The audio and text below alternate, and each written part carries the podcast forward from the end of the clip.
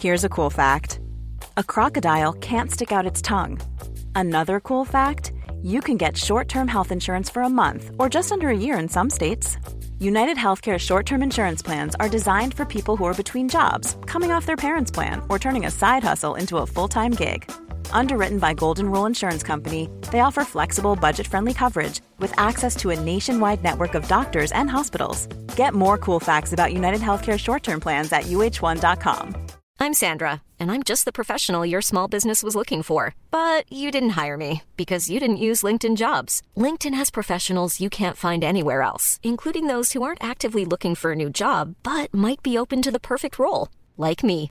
In a given month, over 70% of LinkedIn users don't visit other leading job sites. So if you're not looking on LinkedIn, you'll miss out on great candidates like Sandra. Start hiring professionals like a professional. Post your free job on linkedin.com/people today. Many of us have those stubborn pounds that seem impossible to lose, no matter how good we eat or how hard we work out. My solution is PlushCare. PlushCare is a leading telehealth provider with doctors who are there for you day and night to partner with you in your weight loss journey. They can prescribe FDA-approved weight loss medications like Wagovi and Zepbound for those who qualify. Plus, they accept most insurance plans. To get started, visit plushcare.com slash weight loss. That's plushcare.com slash weight loss.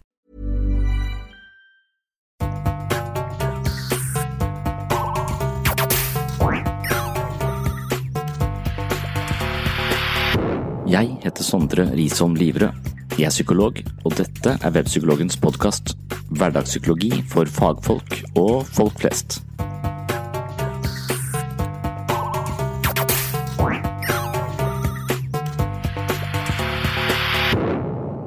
Velkommen til episode 36 av Sinnsyn. Denne gangen vender jeg tilbake til et tema jeg har snakket om mange ganger før. Det handler om hjernen, personlighet, menneskets modningsprosess, utvikling av angst, selvfølelse, identitet, tvangslidelser og rusmisbruk. Det er med andre ord en sammenblanding av en rekke aspekter ved menneskets psykologiske liv, og det er mitt forsøk på å oppsummere en del av de mest sentrale konseptene innenfor psykologi i løpet av snaue to timer. Jeg har gjort det før, og dersom du lytter til denne podkasten fast, har du sannsynligvis hørt noe av dette før. Forskjellen i dagens episode er at jeg går litt grundigere til verks. Dette skal med andre ord være en oversiktlig, tverrteoretisk, biopsykososial og lettfattelig fortelling om menneskets utvikling, farene for skjevutvikling og mulighetene for positiv vekst. Før vi går til Universitetet i Agder, minner jeg om at du kan støtte denne podkasten ved å anbefale den på iTunes.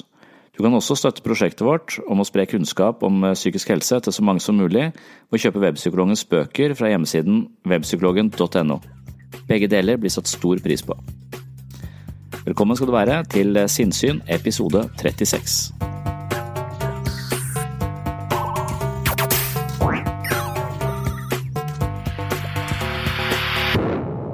Jeg satt av Satt av litt tid til å, å snakke om min egen skal si, variant av utviklingspsykologi. Så jeg skal begynne med det i dag. Jeg skal prøve å presentere en litt sånn selvkomponert forståelse av hvordan mennesket utvikler seg. Ikke at jeg har funnet det på, men det, men det er en måte å snakke om det på som inkluderer alle teoriene som vi har vært innom, og som vi også skal innom i, i løpet av dagen. Da. Så jeg syns det, det, er på en måte min favorittfortelling om, om utviklingspsykologi. Og den er spesielt fokusert på hvordan menneskets personlighet dannes, på en måte. Så det begynner vi med der, en fortelling om utviklingspsykologi fra et praktisk perspektiv. Teori møter hverdagslivet. Vi skal snakke om Daniel Stern, om det kliniske og det observerte barnet. Vi skal snakke om Jean Piaget og kognitiv utvikling, kulturpsykologi og atferdsterapi. Så det er dagen i dag. Mm.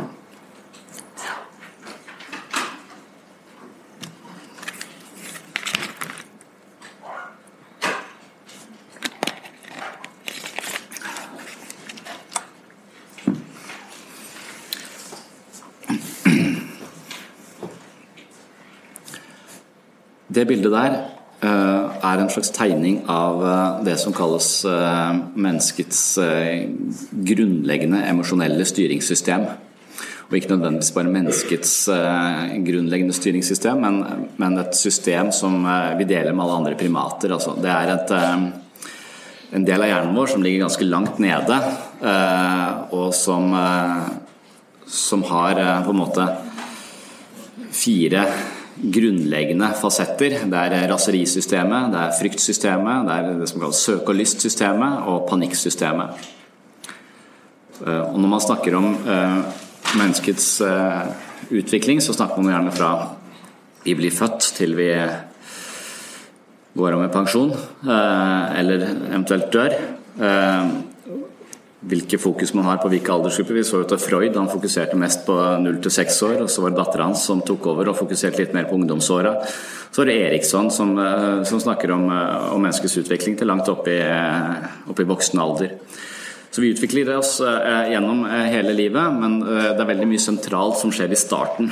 Og Det er også en del av de teoriene vi har sett på. De, man vil si at det, barneårene, altså de Ofte de tidligste leveåra er eh, veldig avgjørende i forhold til hvordan vi fungerer senere i livet. Så noen vil si at på sett og vis grunnmuren i personligheten vår blir dannet i eh, tidlige leveår. Det er ikke dermed sagt at vi ikke kan endre oss underveis, men, eh, men det, jo tidligere en skade skjer med oss, jo tidligere vi blir svikta eller trakassert eller på en eller annen måte opplever type traumer, jo tidligere det skjer, jo mer følelsesmessig tyngde kan det få senere i livet. Det har vi snakket om fordi ofte, bl.a. fordi at vi mangler språk, vi mangler Eh, innsikt, mange til og med ofte hukommelse fra de tidligste leveårene. Så da er det bare kroppen som husker dette. Så når vi da eh, har med oss traumer fra veldig tidlig eh, alder, så vil det ofte oppstå senere i livet bare som en følelse, et ubehag, en plutselig eh, panikk uten at vi forstår hvorfor. Og det ligger så langt tilbake i, eh, i historien vår at vi har ikke noen måte å hente det fram på med, eh, ved å bruke refleksjonsevne og sånn. Det er bare kropp. Eh, så når vi utsettes for traumer senere i livet, så er det ofte sånn at vi kan forstå det. Eh, det kan være at vi må koble ut, dissosiere eh, i, i situasjonen. Etterpå så har vi et språk, vi har et begrepsapparat, vi har muligheter til å eh, avkode våre egne reaksjoner på sett og vis, og da har vi litt mer kontroll på det. Og det blir litt lettere å skape balanse igjen. Mens ting som skjer med oss på et tidlig tidspunkt, det kan ofte ligge Det kan huskes bare av kroppen. Eh, og Da er det ofte også litt vanskeligere å, regulere senere eh, i livet. Eller eh, vanskeligere å få, få grep om og, justere senere i livet. Det vi kaller menneskets grunnleggende emosjonelle styringssystem, det er altså et system som vi har med oss fra fødsel. Noen mener at mennesket er født som en tom tavle, en table rasa. Eh, og så kan man skrive hva man vil på den tavlen. Eh, noen psykologiske skoler, f.eks. Nietzsche, som tenker det at vi, eh, at vi er som en tom tavle, og det er opp til oss å skrive det som skal stå på den tavla. Vi kan skape oss selv, på sett og vis. Så Det er en, en psykologisk skole som tenker det, og så er det en annen psykologisk skole som sier at vi er født med noen særlige tilbøyeligheter. Vi må finne vår vei i livet. Så, eh, så, der er det mer en tanke om at vi er, nødt til å, nødt til å finne ut hvem vi er, eh, som om vi er noe fast, på en måte. Og vi må finne vår, eh, vår vei. Og så kan patologi da oppstå hvis at vi tvinges inn på veier som ikke er det som passer oss, eller vårt, vårt temperament eller talent eller våre tilbøyeligheter. Så, men uh, utenom det, da, litt sånn på, på siden akkurat det poenget der, men, men poenget her er at det, det, kan godt være jeg er født som en slags tom tavle, men vi har med oss en del grunnleggende systemer som sørger for overlevelse.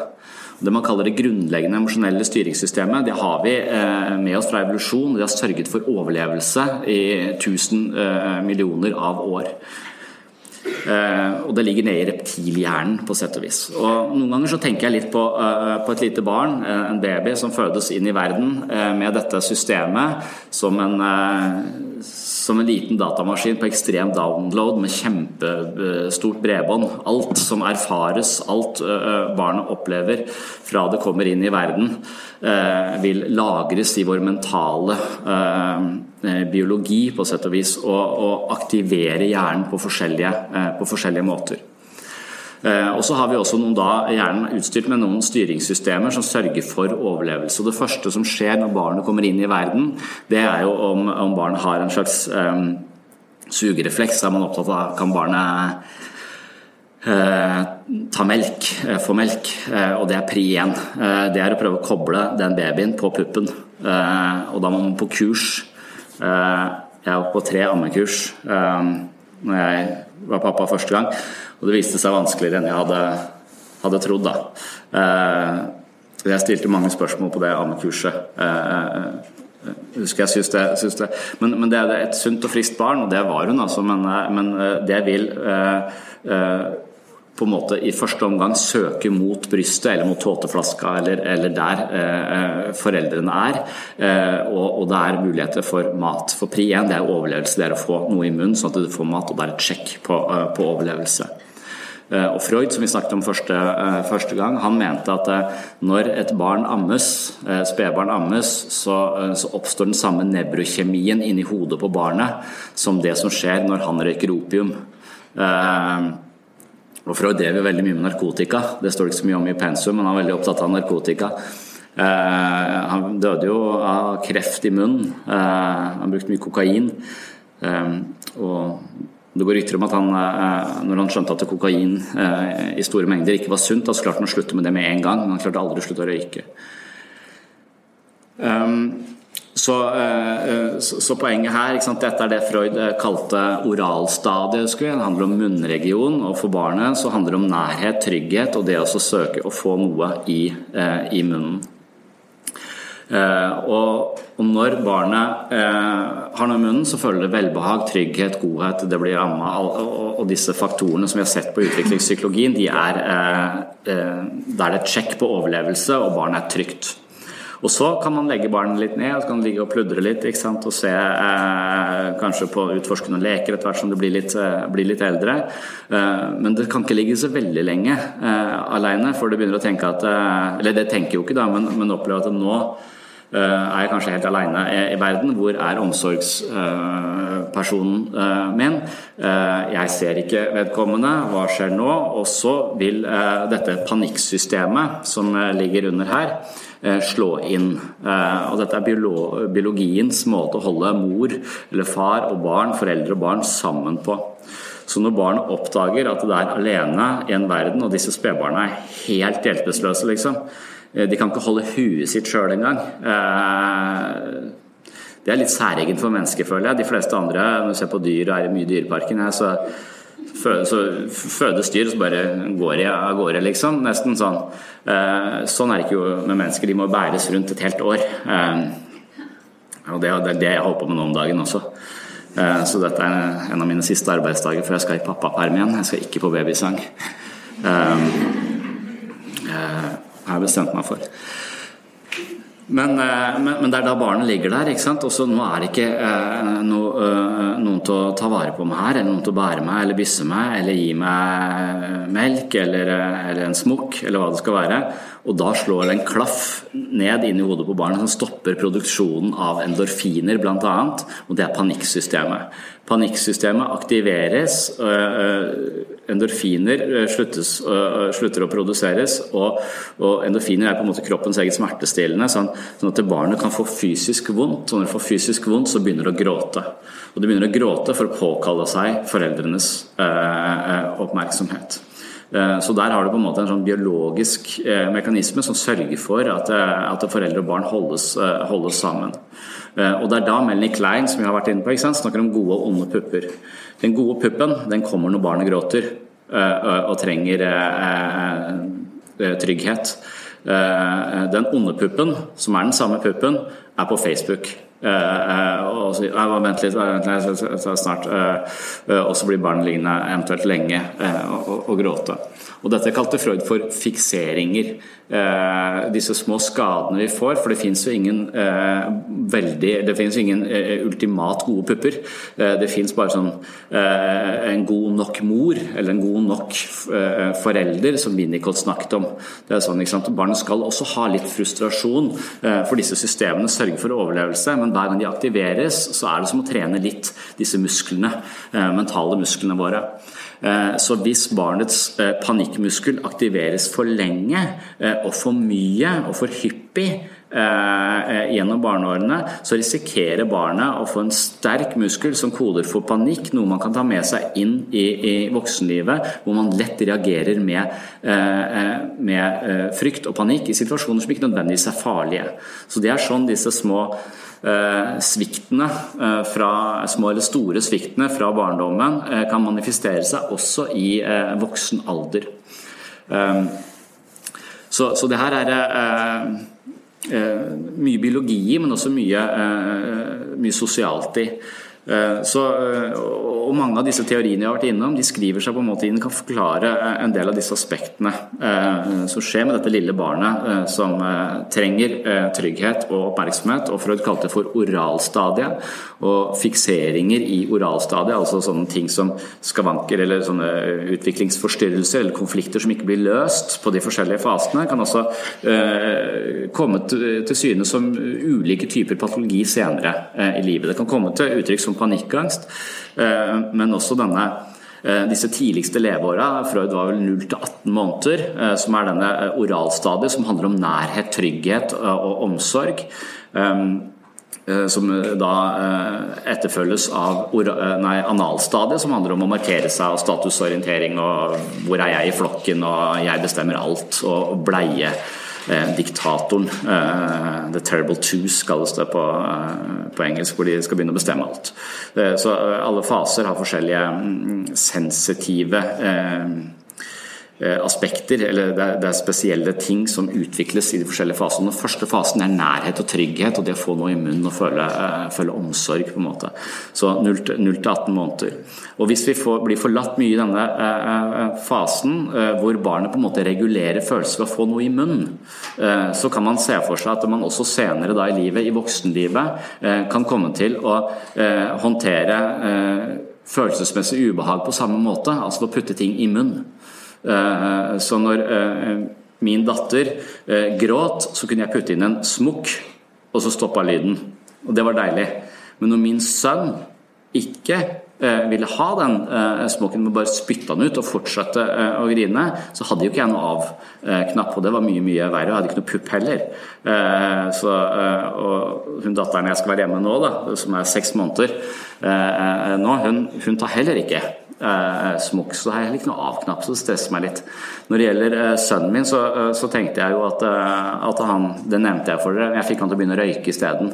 Eh, så når jeg var hjemme og han ikke tok smok, så begynte han på, på Lucky Strike, røyka han da en, en, god periode. Fra han var ni måneder til eh, to og et halvt år ca.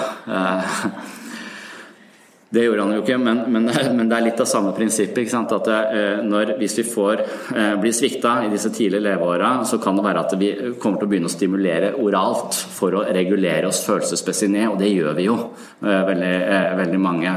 På amerikanske filmer så spiser de en bøtte med is når de er blitt dumpa av kjæresten.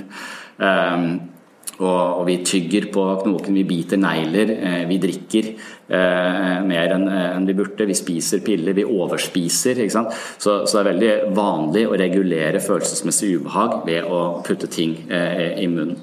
Vi snakket kanskje om at bulimi kan nesten forstås som en sånn konkret håndtering av følelsesmessig ubehag. Når jeg ikke klarer å eh, finne ut av hva dette følelsesmessige ubehaget er, ikke klarer å ha et nyansert og avklart forhold, en forståelse for det vi kalte mindset, mentaliseringsevne osv., en forståelse for vårt indre liv eh, og en måte å håndtere følelser psykologisk på ved å, ved å, ved å sette språk på det og forstå det. og og være interessert i dette som foregår på innsiden, så kan det være at når vi ikke har denne begrepsapparatet, den mentaliseringsevnen, så må vi håndtere følelser mye mer konkret. Så da er det noen som eh, føler ubehag og kutter seg i armen, eller føler ubehag og drikker alkohol. Eh, eller, eller, som bulimikeren føler ubehag, men alt ubehag kjennes bare som sult, så jeg spiser for å tilfredsstille denne følelsen, og så kaster jeg det opp igjen eh, etterpå, så er følelsen borte. Eh, det er en veldig konkret håndtering av eh, følelsesmessig eh, ubehag. Som ifølge Freud osv. kanskje ville, ville, være en slags skrive seg fra det tidligste fiksering i det tidligste levet. Eller konf uløste konflikter i de tidligste leve, leveårene. Jeg har jo selv, når jeg har vært litt opptatt av både Freud og hjernen, på en måte, så har jeg jo tenkt om meg selv, eller lagt merke til at når jeg er ute med mennesker som jeg ikke kjenner så godt fra før, så er jeg sannsynligvis mer stressa. Jeg skal bli kjent med de, jeg må gjøre et godt inntrykk, bla, bla, bla, et eller annet sånt noe. Hvis hvis jeg bryr meg nok. Og, og da da kan jeg nok ha mer vondt i hodet dagen derpå enn hvis jeg er ute med folk jeg kjenner kjempegodt. Eh, da kan det være jeg glemmer å drikke, men hvis jeg er usikker, så tror jeg jeg drikker eh, hyppigere eh, og mer, og jeg kan kjenne det, jeg kan måle det på min egen hodepine dagen derpå. Så hvis jeg har mye hodepine, så vet jeg jeg har vært litt usikker dagen i, i forveien. Og regulert følelser ved å stimulere den regionen. Da har jeg sannsynligvis en eller annen fiksering i oralstadiet som jeg må ta opp med en eller annen psykoterapeut på et eller annet tidspunkt. Kanskje jeg slipper det. Jeg har gått så innmari mye psykoterapi at jeg tror jeg får leve med de skavankene her. Um, ja. Uh, og så er det jo, uh, som nevnte, at dette her med med sensitive utviklingsfaser. Eh, disse Utviklingspsykologien fokuserer på eh, hvilke konflikter som er i de ulike eh, fasene. og Det er spesielle tematikker som oppstår på hvert utviklingsnivå. som både som alle de teoriene vi har vært gjennom beskriver da, på, på, sin, på sin måte. Eh, og så er det også dette eh, poenget med at, eh, at, hjernen Jeg tenker på hjernen litt som en, som en muskel. Så hvordan den stimuleres, hvordan den på en måte brukes, vil også påvirke utviklingen vår. Så, så hvis man ser for seg at hjernen er som en, som en fabrikk, så vil den delen av fabrikken som, vi, som, det er mye aktivitet i, den vil også få flere ansatte og få mer kapasitet. På årsmøtet i Hjernefabrikken rett før jul så tar man opp hvordan ligger produksjonen her. Jo, vi driter med å gjøre nede i panikkavdelingen. Eh, dette mennesket bekymrer seg eh, for alt mellom himmel og jord, så vi har så mye å gjøre at vi jobber dobbeltskift nesten daglig. Så sier de som ligger da oppe i søke- og lystsystemet, som er det systemet som egentlig eh, borger for nysgjerrighet og iver og interesse for livet, de sier at vi har ingenting å gjøre. For så lenge det er alarmberedskap inni dette hodet her, så er vi kobla ut. Eh, så vi kan godt bidra litt nede i bekymringsavdelingen. Og sånn vil man på en måte tenke om angst da, som en negativ spiral. At eh, når du har angst og ikke gjør noe med det, så vil du ofte, eller når du har en tendens til å bekymre deg for alt mulig, eh, eh, så vil det balle på seg. du blir bare flinkere og flinkere, blir ekspert på å bekymre seg. Og, og hvis du da skal finne en utdannelse som passer, så er det kanskje en risikoanalyse f.eks. Det det er, noen steder folk vil ha nevrotikere. og Det er sånn for å sjekke hva kan gå galt her. Det kan du ta deg, for du er så innmari god på å bekymre deg. Ehm, så det, det kan være visse fordeler, men de er ikke så store. Mm. Så I første omgang vil dette søke- og lystsystemet vil søke mot uh, trygghet, nærhet, puppen, tåteflaska. Men etter hvert som barnet kommer over i nye utviklingsfaser, Eh, og barnet blir eldre, eh, så vil dette samme systemet, søke- og lystsystemet, søke ut mot verden eh, og finne ut av hva jeg er interessert i, hva liker jeg, hva klarer jeg, hva får jeg til. Så, dette systemet, denne, det kode for iver, interesse, nysgjerrighet, ut mot verden. Men for at det systemet skal være skrudd på, så må vi ikke ha for mye energi bundet opp i frykt- eller panikksystemene. For frykt- og panikksystemene de gjør det motsatte. Panikk gjør deg engstelig eh, og trygghetssøkende. Eh, det, det, det skaper ubehag, og det, og det ansporer oss til å trekke oss tilbake og gjemme oss.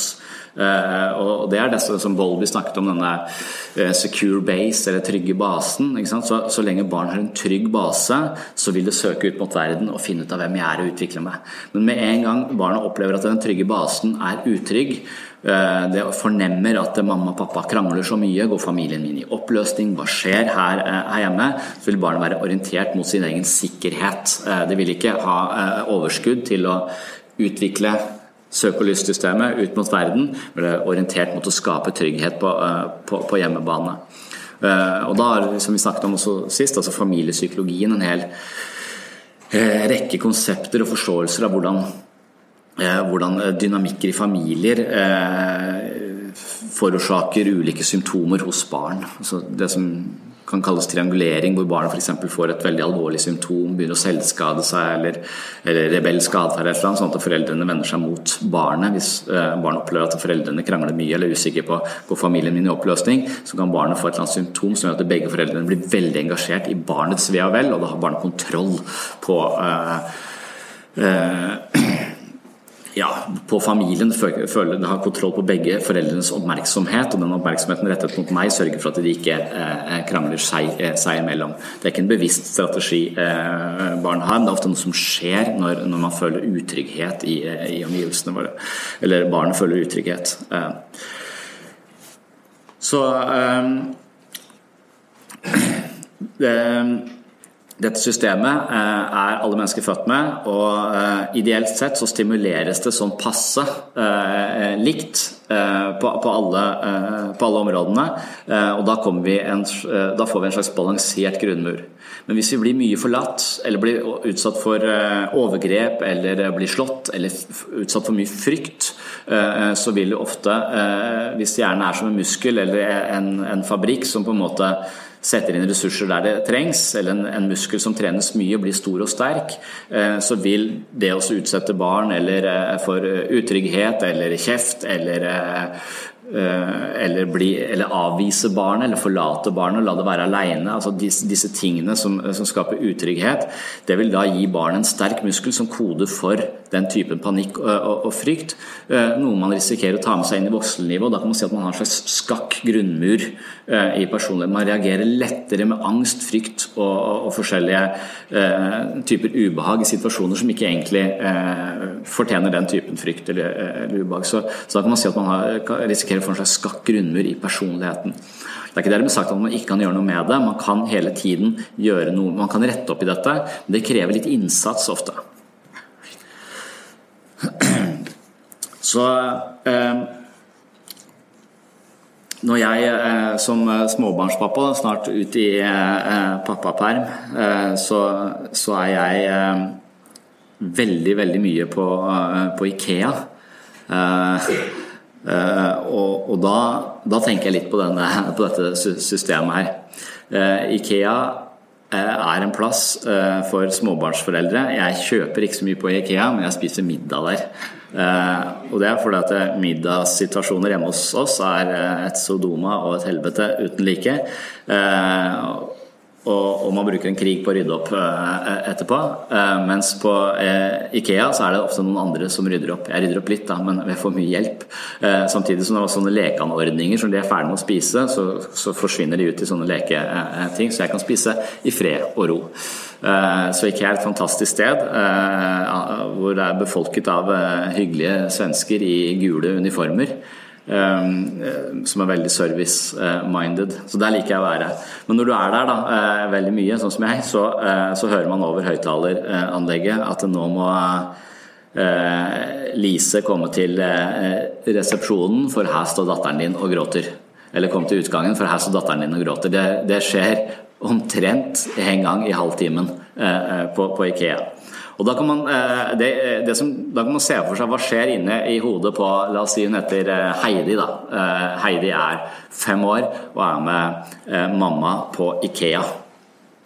Og man kan se for seg at Heidi er veldig trygg, for hun har mamma i hånda. Og når hun har mamma i hånda, så er hun kjempetrygg, og da er hun veldig ivrig og interessert og gleder seg, for hun skal opp i barneavdelingen og sjekke om de har fått noe nytt. Eh, så hun er veldig rask opp eh, rulletrappa. Til slutt så slipper hun mamma, løper opp mot barneavdelingen. Så kommer hun opp i barneavdelingen, eh, ser at de har fått masse nytt, begynner å leke med det, for så plutselig oppdager at hvor er mamma hen nå? og Da stopper man opp og sier at oi, nå er jeg alene på et kjøpesenter som er så stort at voksne mennesker ikke engang finner ut derfra. Eh, så, eh, så, her eh, inne kommer jeg til å være fanget hvis ikke noen, noen hjelper meg. Og det er da dette panikksystemet slår inn. Det slår ned en klaff inn i hodet på Heidi, og hun går i panikk, leiter litt febrilsk, gråter, løper rundt og, og finner 'Hvor er mamma? Hvor er, hvor er mamma?' Og, og hun er på høy grad av panikk. Panikksystemet har slått inn. Hun gråter og lager litt ståhei for å få, finne mamma eller få oppmerksomhet fra, fra mamma. Men så sier biologien hennes at, og det sier biologien, dette er et eh, overlevelsessystem vi har med oss fra, fra tidligere tider. Biologien vår sier at eh, hvis vi lager ståhei over veldig lang tid, og vi ikke kommer tilbake til foreldrene våre, så er sjansen for at vi blir spist av andre rovdyr ganske stor.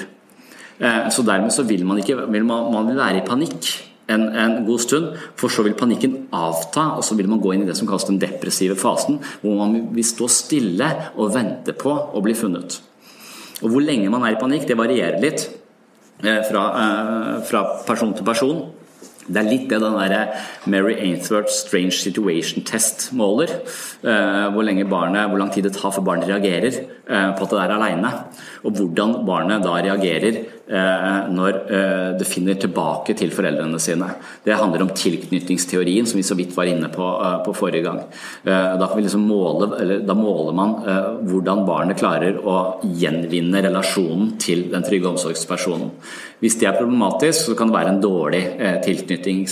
Der kan man måle tilknytningsstil hos, hos barnet. Men for, for Heidi sin del, oppe i barneavdelingen på Ikea, så er hun sannsynligvis sannsynligvis da redd for jeg tror hun er redd for de der grønne krokodillene. Det må være de eneste rovdyrene som er på, eh, på Ikea. Eh, men, men, det har ikke noe med det å gjøre. Det er bare rett og slett det, det biologien forteller oss. Du kan gå i panikk, men ikke være der for lenge, for da blir du uh, sett og spist av andre rovdyr. Så da er det bedre å stå stille og vente på å bli funnet. Og da har jo Heidi forvillet seg helt inn i lampeavdelingen. Uh, og hun står under en lampe og gråter stille og venter på å bli funnet. Da kommer det alltid en hyggelig svenske. Og, og, og, ser dette her og sier 'skal jeg hjelpe deg å finne, finne mammaen eller pappaen din'? Eh, og Så nikker hun stille til det, og så blir mamma ropt opp over høyttaleranlegget. Da må Lise komme til inngangen, for her står Heidi eh, og gråter. Eh, og det er det jeg hører når jeg sitter og spiser oppi, oppi kantina der. Og det er det jeg har også blitt ropt opp selv på, den, på det anlegget der. Og, og, da, eh, og da er det denne med tilknytningen da kommer inn. For at nå står jo Lise eh, nede Nei, Heidi står nede eh, ved inngangen, og Lise er på vei. Og når Lise da Når de møtes igjen, så, så er det litt sånn Hva, hva skjer nå? Og da kunne man forvente at, at, Heidi ville bli sånn Yes, mamma, der var du, og jeg savna deg så mye oppe i lampeavdelingen.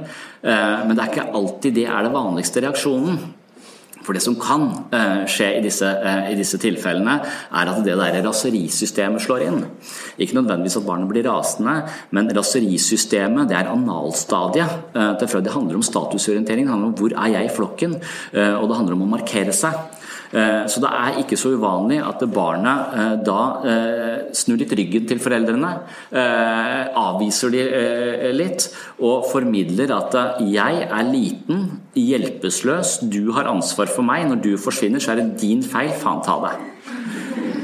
Nå banner jo ikke barnet selvfølgelig så mye som jeg eh, eh, banner, og det sier ikke dette så tydelig som, eh, som, jeg formulerer det, selvfølgelig, men det kan være mekanismen der. Så barnet kan komme til å avvise foreldrene litt før kontakten gjenoppstått. Men det kommer an på hva slags tilknytning de har i utgangspunktet. Så det er denne Strange Situation Test. Den, den foregår på Ikea hver eneste dag, mange ganger om, om dagen. Men den foregår også andre steder. ikke sant? Den foregår i barnehager.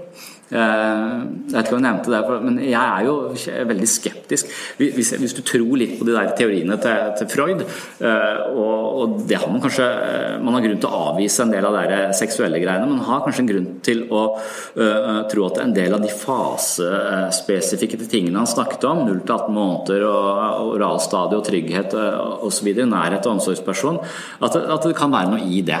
Det som vi kaller nebropsychoanalysis, et eget tidsskrift som på en måte prøver å bevise hvor vi tar forskning som prøver å bevise Freud. Og da, da har Freud fått en slags ny renessanse. For det er noen som mener at hans modell av uh, er den mest sånn komplette forståelsen vi har av menneskets uh, psykologi, med sine feil og mangler. Og den er uh, på en måte oppdatert og justert. Men, men, det viser seg at mye av det han snakket om, finner man igjen når man forsker på hjernen. Så, så det er der denne broen mellom det det mer empiriske og, teorien begynner å, begynner å, nærme seg. Høyre og, og venstre kvadrant. Det objektive og det subjektive prøver å, prøver å nærme seg.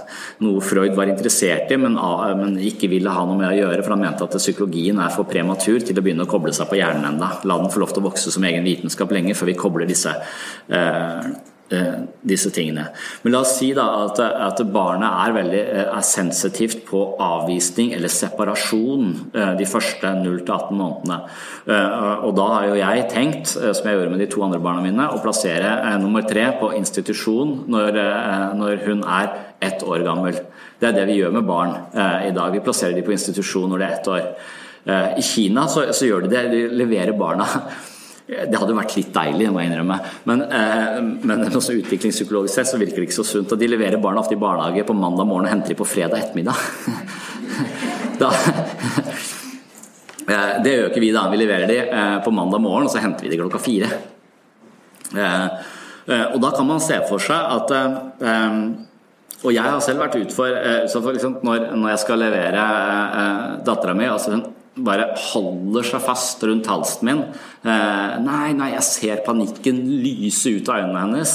Eh, jeg må rekke et møte, eh, så jeg har dårlig tid. Så jeg bare drar henne av og leverer henne til en forholdsvis fremmed person, ansatt i det offentlige i denne barnehagen. Nei, jeg har, god, jeg har, veldig godt forhold til de barnehageansatte som jeg har, har møtt. Så, men når barnet bare er ett år gammelt, og dette var min første, mitt første barn, og jeg skulle levere henne da fra meg, det var jo helt, helt, forferdelig. Og det er enda mer forferdelig for kona mi, så var jeg som måtte gjøre det hele tiden. For jeg er mer kynisk enn hun, tror, tror hun i hvert fall. Eh, så, så jeg bare henger rundt. Jeg bare leverer fra meg, og så, og så går jeg. Uh, hun er i, i panikk, uh, sånn jeg oppfatter situasjonen. Men så får du en melding av barnehagen rett etterpå og sier at nå er hun helt rolig. Og, og, og, da tenker jeg ja, helt rolig, for den er i den depressive fasen, selvfølgelig.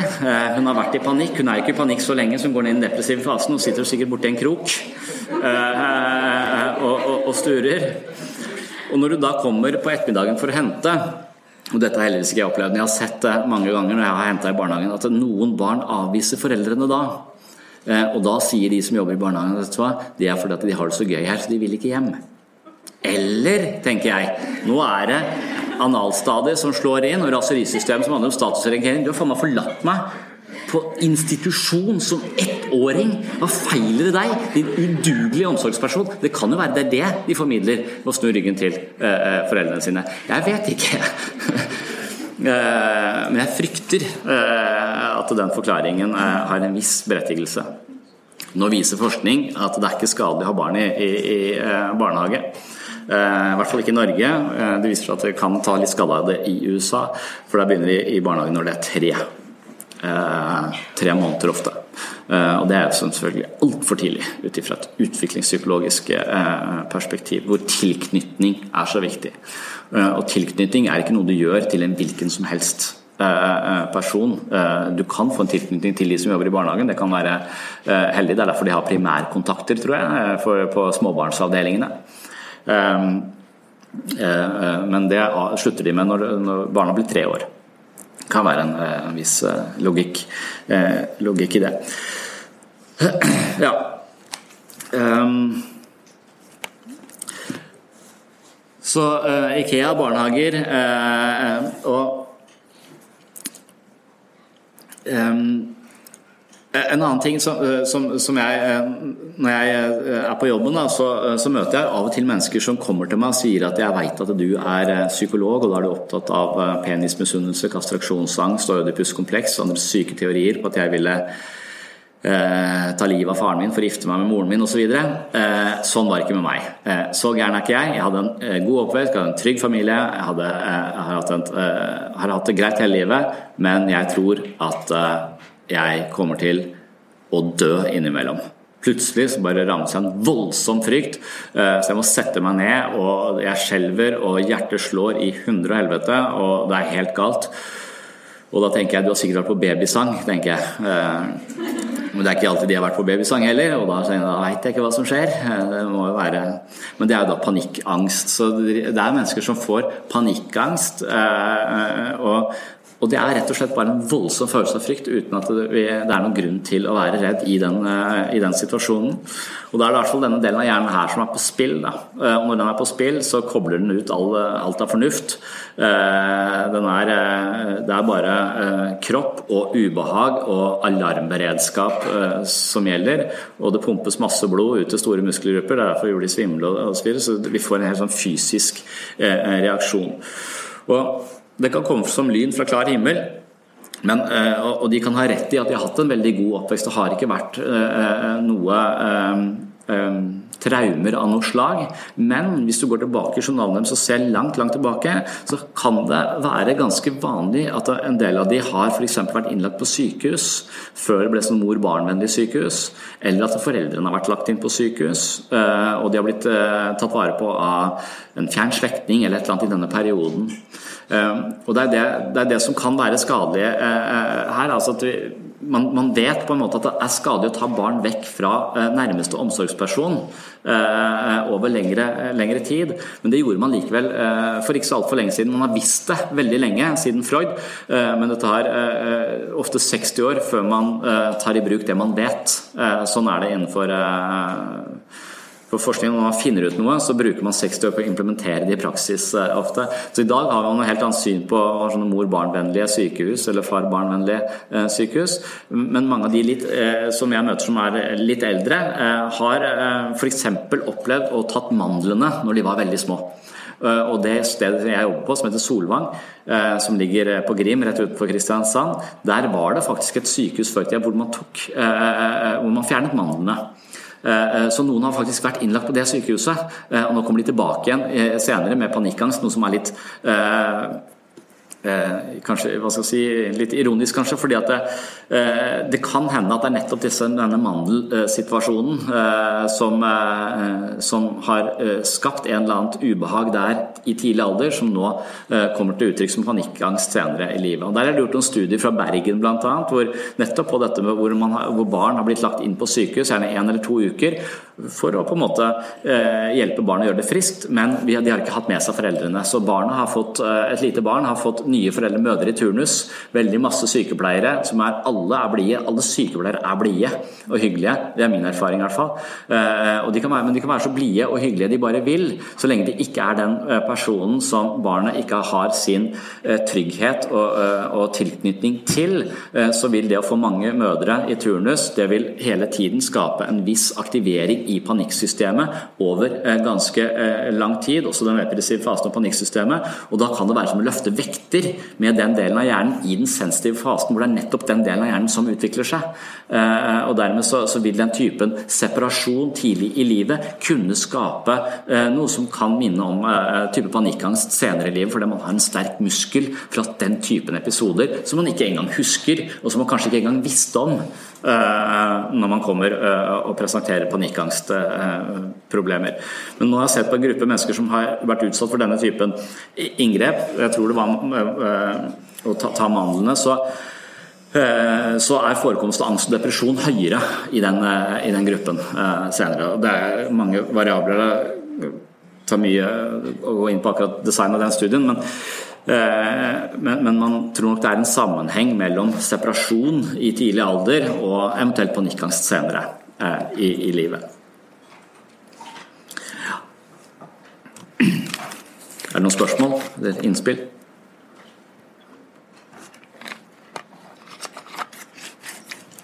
Ja. Jeg tenker på det her med panikkangsten. Er det noe som fysisk trigger de når man får panikkangst? Eller kan det bare komme helt uten grunn? Er, det, en, er trigger på, på selve? Ja, eh, jeg, jeg, vet ikke om jeg skal svare sånn absolutt på det, men, eh, men de fleste av de psykologiske teoriene vi har vært inne på i dette pensumet, vil nok mene at, eh, at det har en årsak at vi er, som, som Freud kalte psykisk determinerte, eller eventuelt overdeterminerte, men at alt som skjer inni huet vårt, er Uh, mer eller mindre ubevisst. Uh, og disse metastudiene uh, sier at 95, opp mot 95% av alt vi tenker, føler og handler på, genereres av ubevisste krefter. Så vi er rett og slett ikke klar over hvorfor vi reagerer som vi reagerer. Hvorpå psykoterapi vil være å gjøre det ubevisste bevisst. Eh, som er Freud sin idé. Altså at, at, vi skal være mer klar over eh, årsaken til reaksjonene våre, og i hvilken type reaksjoner vi reagerer. Eh, for da blir vi ikke tatt på senga, og da vil, eh, vil vi føle mer kontroll, og angsten vil avta. Eh, så man vil nok tenke, men, men, når det gjelder den typen panikkangst som vi snakker om i forhold til dette, så handler det ofte om separasjon i en eller annen grad. Følelsen av å være, bli forlatt eller være alene eller ha for mye ansvar eller føle seg som et barn i en voksenverden. Følelsen er liten i møte med noe stort. Eh, at det handler om eh, at det ligger i det spekteret et eller annet sted i, forhold til dette med, disse første 0 til 18 måneders ja, separasjonsangst på en eller, annen, en eller annen grad. Eh, noe som vi kanskje har litt av alle sammen. Vi skal være veldig sånn der, tenke at djevelen er i detaljene. Så er det veldig sjelden du, du, møter noen som du har det hyggelig sammen med, og som du vet du aldri kommer til å se igjen. Og det er det du avslutter med å si. Eh, det var hyggelig å treffe deg. Vi kommer aldri til å ses igjen. Man sier ofte 'vi snakkes', eller man har en sånn Vi, vi lar Vi på en måte prøver å Eh, insinuere at vi ses igjen, for da blir det ikke så ugreit å si, eh, si ha det. Så, eh, så separasjoner er nok litt ubehagelig for de fleste av oss. Og når jeg tenker på disse, disse tingene her, så, så, finner jeg jo sånne kjærlighetsbrev jeg skrev til kjæresten min da jeg flytta til Danmark. Og det er patetisk og pinlig, men der, der er det mange sånne klisjeer om at jeg savner deg så mye at det gjør vondt. Og tenker Det høres ut som en metafor, men det kan jo være helt konkret òg, faktisk. Eh, fordi at det å separeres fra folk som står oss veldig nær, eh, kan jo sørge for at vi produserer mindre endorfiner og faktisk får litt vondt eh, av å, å, å separeres. Og det å, det å, fravær fra de vi, som betyr mye for oss, som vi er veldig nærme, kan jo gjøre kanskje fysisk vondt da, på et rent sånn biologisk nivå.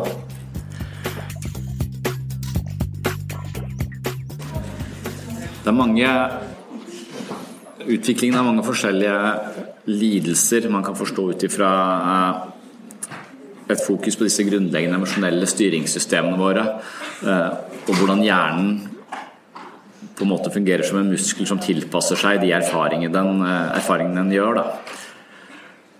Og Vi også snakket om et slags psykisk operativsystem som installeres i takt med hvordan vi blir møtt av andre, andre mennesker og de erfaringene vi gjør oss gjennom livet. Eh, det vil også da bli toneangivende for hvordan vi tolker nye situasjoner senere i livet. Og Hvis vi tolker de eh, feil, så, eller eh, på en måte som er uhensiktsmessig for oss, så kan det være at vi må til med å rett og slett analysere oss selv, eller introspeksjon. altså Forstå hvordan vi være mer interessert i hvordan vi skrur sammen disse opplevelsene. Eh, hvordan hjernen fungerer og hvordan den tolker eh, nye situasjoner i lys av alt det den har eh, opplevd tidligere. Og Rent konkret så kan man si for eksempel, kan man kanskje forestille seg at rusmisbruk vil skrive seg inn i og kunne forklares ut ifra dette på en, på en forholdsvis forståelig måte.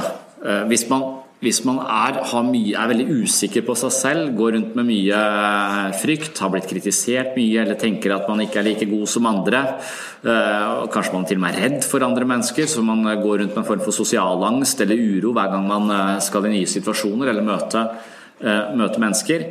Det har vi jo mange av oss. De fleste drikker da bare litt alkohol, så hjelper det.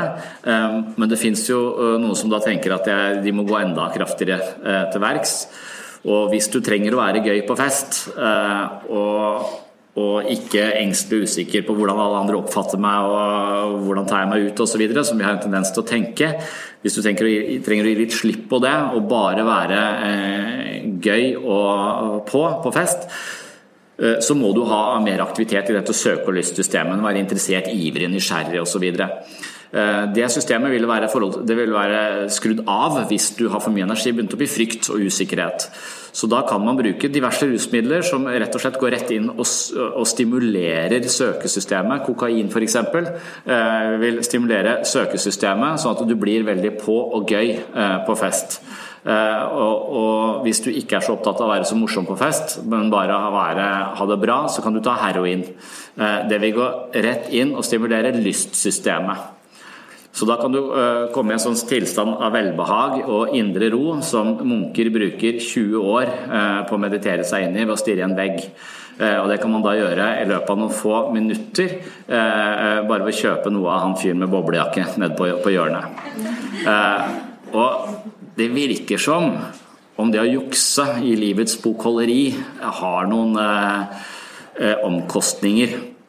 Eh, det å komme til nirvana på to minutter når noen bruker dritlang tid på det, eh, det er litt som å snike i køen, føler jeg. Eh, og det kan nok hende stemmer til en, til en viss grad.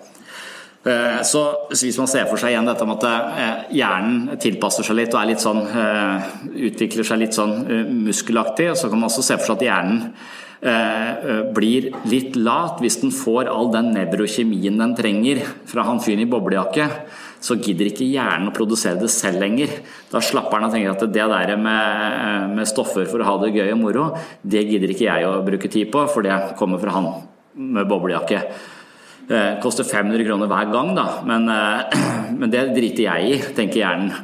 Uh, og Det er det som kanskje er problemet, at du får litt den, den delen der av hjernen, dette søke- og lystsystemet som først kobla seg på puppen, vil senere i livet være på en måte det som kobler seg på livet. Og Hvis vi skal høre på eksistensfilosofer, så er vi på en måte dømt til å skape mening i eget liv. Det skaper mening, interesse, å ha en drivkraft, en motivasjon, et engasjement. Det krever at vi har aktivitet i dette søke- og lystsystemet ut mot, uh, mot verden. Frykt og usikkerhet det binder oss tilbake, gjør oss unnvikende og tilbakeholdne og usikre. Eh, så, så da, da, vil eh, rusmidler fungere ekstremt bra på å stimulere den delen eh, av hjernen. Men under, med de omkostningene at hvis du skal slutte å ruse deg, så kommer du til å få problemer. Så Hvis du først går inn på den banen og tenkt å ruse deg, så bør du tenke igjennom om du har råd til det resten av livet. For hvis du plutselig bestemmer deg for å slutte, så begynner du på et utgangspunkt hvor du har en lat hjerne som ikke klarer, som i utgangspunktet kanskje hadde problemer med å skape den nevrokjemien den trenger for å, ha det, for å ha et meningsfullt liv. Men de som slutter å ruse seg, de ligger litt under gjennomsnittet da på det også evnen til å skape mening og entusiasme i eget, eh, eh, eget liv. Så har man rusa seg lenge og blir nyktere, så, så, så blir det vanskelig eh, å gjenvinne eh, eh, livet. Og det min erfaring er da at eh, rusmisbrukere, de vennene jeg har hatt som har rusa seg for mye, og som da bestemte seg for å slutte å ruse seg fordi de syns at livsstilen man har, på et, på et, eller annet tidspunkt så svir du av hjernen din litt òg. Du begynner å ødelegge den hjernen du trenger for å skape den eh, mening i, i, livet. Og når de da slutter å ruse seg, så blir de forholdsvis deprimerte. Og det takler de ved å begynne å sykle fram og tilbake til Hovden, eller snakke om Gud hele tida.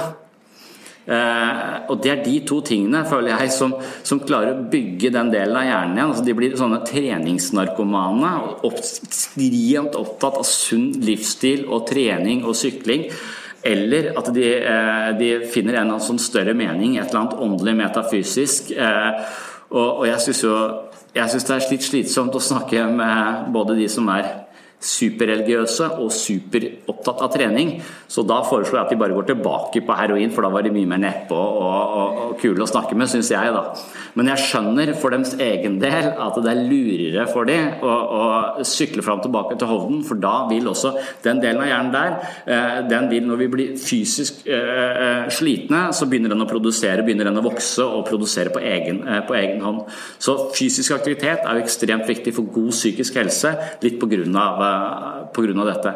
Når man da har slitt med eh, eh, narkomani i en eller annen fasong, og da har en slapp hjerne så, i forhold til å produsere disse lykkestoffene hjernen trenger for å ha det, ha det bra, den type tanker osv. som gir, gir livet en slags drivkraft, eh, så, så, så, må man kanskje ty til litt ekstrem trening et stykke før man klarer å, å balansere det eh, igjen. Så jeg får bare leve med den der maset dem som amstrening. Og det er litt irriterende òg når jeg ikke trener nok selv. så eh, så er det så slitsomt med de som trener så innmari masse. Det setter meg i et dårlig lys. How would you like to look five years younger? In a clinical study, people that had volume added with Juvederm Voluma XC in the cheeks perceived themselves as looking five years younger at six months after treatment. Look younger, feel like you. Add volume for lift and contour in the cheeks with Juvederm Voluma XC. Reverse signs of aging by adding volume to smooth laugh lines with Juvederm Volure XC. For important safety information and to find a licensed specialist, visit juvederm.com. That's J U V E D E R M.com. Not for people with severe allergic reactions, allergies to lidocaine, or the proteins used in Juvederm. Common side effects include injection site redness, swelling, pain, tenderness, firmness, lumps, bumps, bruising, discoloration, or itching. There's a risk of unintentional injection into a blood vessel, which can cause vision abnormalities, blindness, stroke, temporary scabs, or scarring. Talk to a licensed specialist to find out if it's right for you. Ready to pop the question? The jewelers at BlueNile.com have got sparkle down to a science with beautiful lab grown diamonds worthy of your most brilliant moments. Their lab grown diamonds are independently graded and guaranteed identical to natural diamonds, and they're ready to ship to your door. Go to BlueNile.com and use promo code LISTEN to get $50 off your purchase of $500 or more. That's code LISTEN at BlueNile.com for $50 off. BlueNile.com code LISTEN. Hey, it's Paige DeSorbo from Giggly Squad. High quality fashion without the price tag? Say hello to Quince. I'm snagging high end essentials like cozy cashmere sweaters, sleek leather jackets, fine jewelry, and so much more. With Quince being 50 to 80% less than similar brands. And they partner with factories that prioritize safe, ethical, and responsible manufacturing. I love that. Luxury quality within reach. Go to quince.com slash style to get free shipping and 365 day returns on your next order. Quince.com slash style.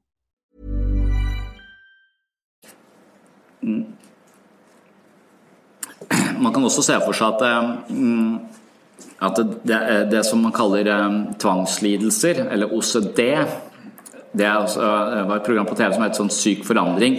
Det handla om folk som har eh, tvangslidelser. Det kapitlet vi skal ha på slutten av dagen i dag, som handler om atferdsterapi, eh, det er veldig mye brukt i forhold til, eh, til OCD, tvang eh, og den type problemer. Eh, og, og da, det vil rett og slett si at eh, en, å ha OCD eller ha en eller annen type tvang betyr at hjernen har kobla en, har en eller annen feilkobling i forhold til at det noe som Eh, ikke er farlig, er farlig. Det kan f.eks. være edderkopper.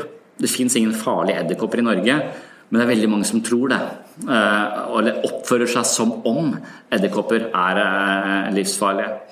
Det fins også en del mennesker som tror at bakterier er veldig farlige, og det er selvfølgelig noen bakterier som er, er farlige, men de tror det i den grad at de nesten ikke går ut. Uh, og de, de, menneskene har da kobla altså en sånn ekstrem frykt i forhold til bakterier, og de synes jo ikke engang. Så det er jo vanskelig å vite hvor mange bakterier du egentlig har på deg til enhver tid, og det prøver de å kontrollere. da. Uh, og Problemene oppstår når de skal til Danmark. For når du bor i Kristiansand, så er det jo uh, veldig fristende å reise til Danmark. båten ligger jo der. Men når de går på den båten, så viser det seg når de kommer halvveis at de må tisse. Og de er nødt til å gå på eget toalett. De kan ikke tisse på et offentlig toalett, for der er det så mye bakterier at de tror de kommer til å stryke med. Så da må hele båten snu og kjøre tilbake igjen for at de skal komme hjem på do.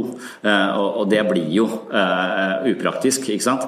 Så de som sliter med sånn vaske, vasketvang, de som tar, driver og åpner døra med, med Her så vi heller bakterier på albuen enn på henda. Det har ikke jeg skjønt. Liksom, her vasker du deg jo ikke.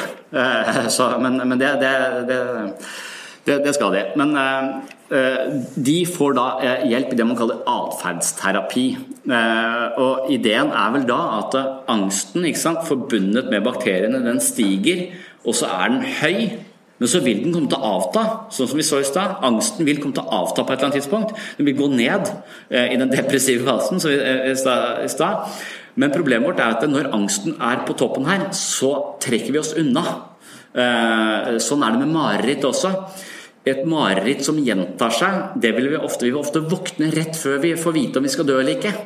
Eh, og da våkner vi, eh, og da gjentar det eh, seg. Så det er vår tendens til å trekke oss unna når angsten blir høy. Så trekker vi oss unna, og da bekrefter vi overfor hjernen vår at ja, heldigvis så kom du deg unna i siste liten. Du hadde daua, du, ute på det offentlige toalettet hvis ikke du hadde kommet deg hjem på do. Så, så, så når, vi, når, vi, på en måte trekker oss unna når angsten er på sitt høyeste, så vil hjernen bare fortsette i det sporet og tro at det er å koble dette, f.eks. bakterier, da, med livsfare. Noe noe som er en feilkobling og en veldig uhensiktsmessig kobling å ha. Og Da sier de terapeutene som uh, sverger til denne atferds... Uh, terapien, at her må vi utsette mennesker for ting som de er veldig lite interessert i å bli utsatt for, i så lang tid at de kommer opp i høy angst, men så blir værende i angsten til de kommer ned og angsten avtar, så vil hjernen på en måte avlæres at dette var ikke så farlig som du trodde. Du overlever.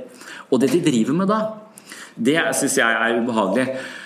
For jeg jobber nemlig sammen med en sadistisk psykiater som har det her som spesialfelt. Eh, og hun har funnet sin nisje i at hun liker å plage folk, er mitt inntrykk. Eh, eh, så det hun gjør med disse som har sånn bakterieangst, er at hun tvinger dem til å gå inn på do vaske hendene i do og tørke seg i håret. Og mens det håret tørker, så setter hun det ut på spiserommet hvor jeg har min mat. Så når jeg kommer inn der og så ser jeg tre stykker sitter helt grønne i trynet, og så spør jeg har dere dovann i håret, og så, de, og så nikker de bare og sier at det der er utrolig ulekkert. Kan ikke dere være et annet, eh, et annet sted enn her? Og da mener hun psykiateren at jeg gjør vondt verre. Eh, men jeg har kjøpt meg en bøtte med antibac som jeg har satt inn på kontoret mitt. Jeg er livredd for at hun skal komme inn til meg eh, med det, med det dovannet. Men ideen er jo at angsten stiger, og så blir de sittende med det så lenge at eh, angsten avtar, og så må man på en måte avlære. Så når du først har vaska hendene i do, eh, så gjør ikke noe å tisse litt på danskebåten. Eh, det er vel det. Så du rent konkret går inn og avlærer eh, hjernen. Og det kan man ofte gjøre med enklere fobier. Det blir kanskje litt mer komplisert hvis, eh, hvis man har en mer sånn grunnleggende frykt for å bli forlatt, eller en, en problematikk som stikker dypere. Da. Enkle fobier eh, kan ofte helbredes på den måten Eh, på den måten.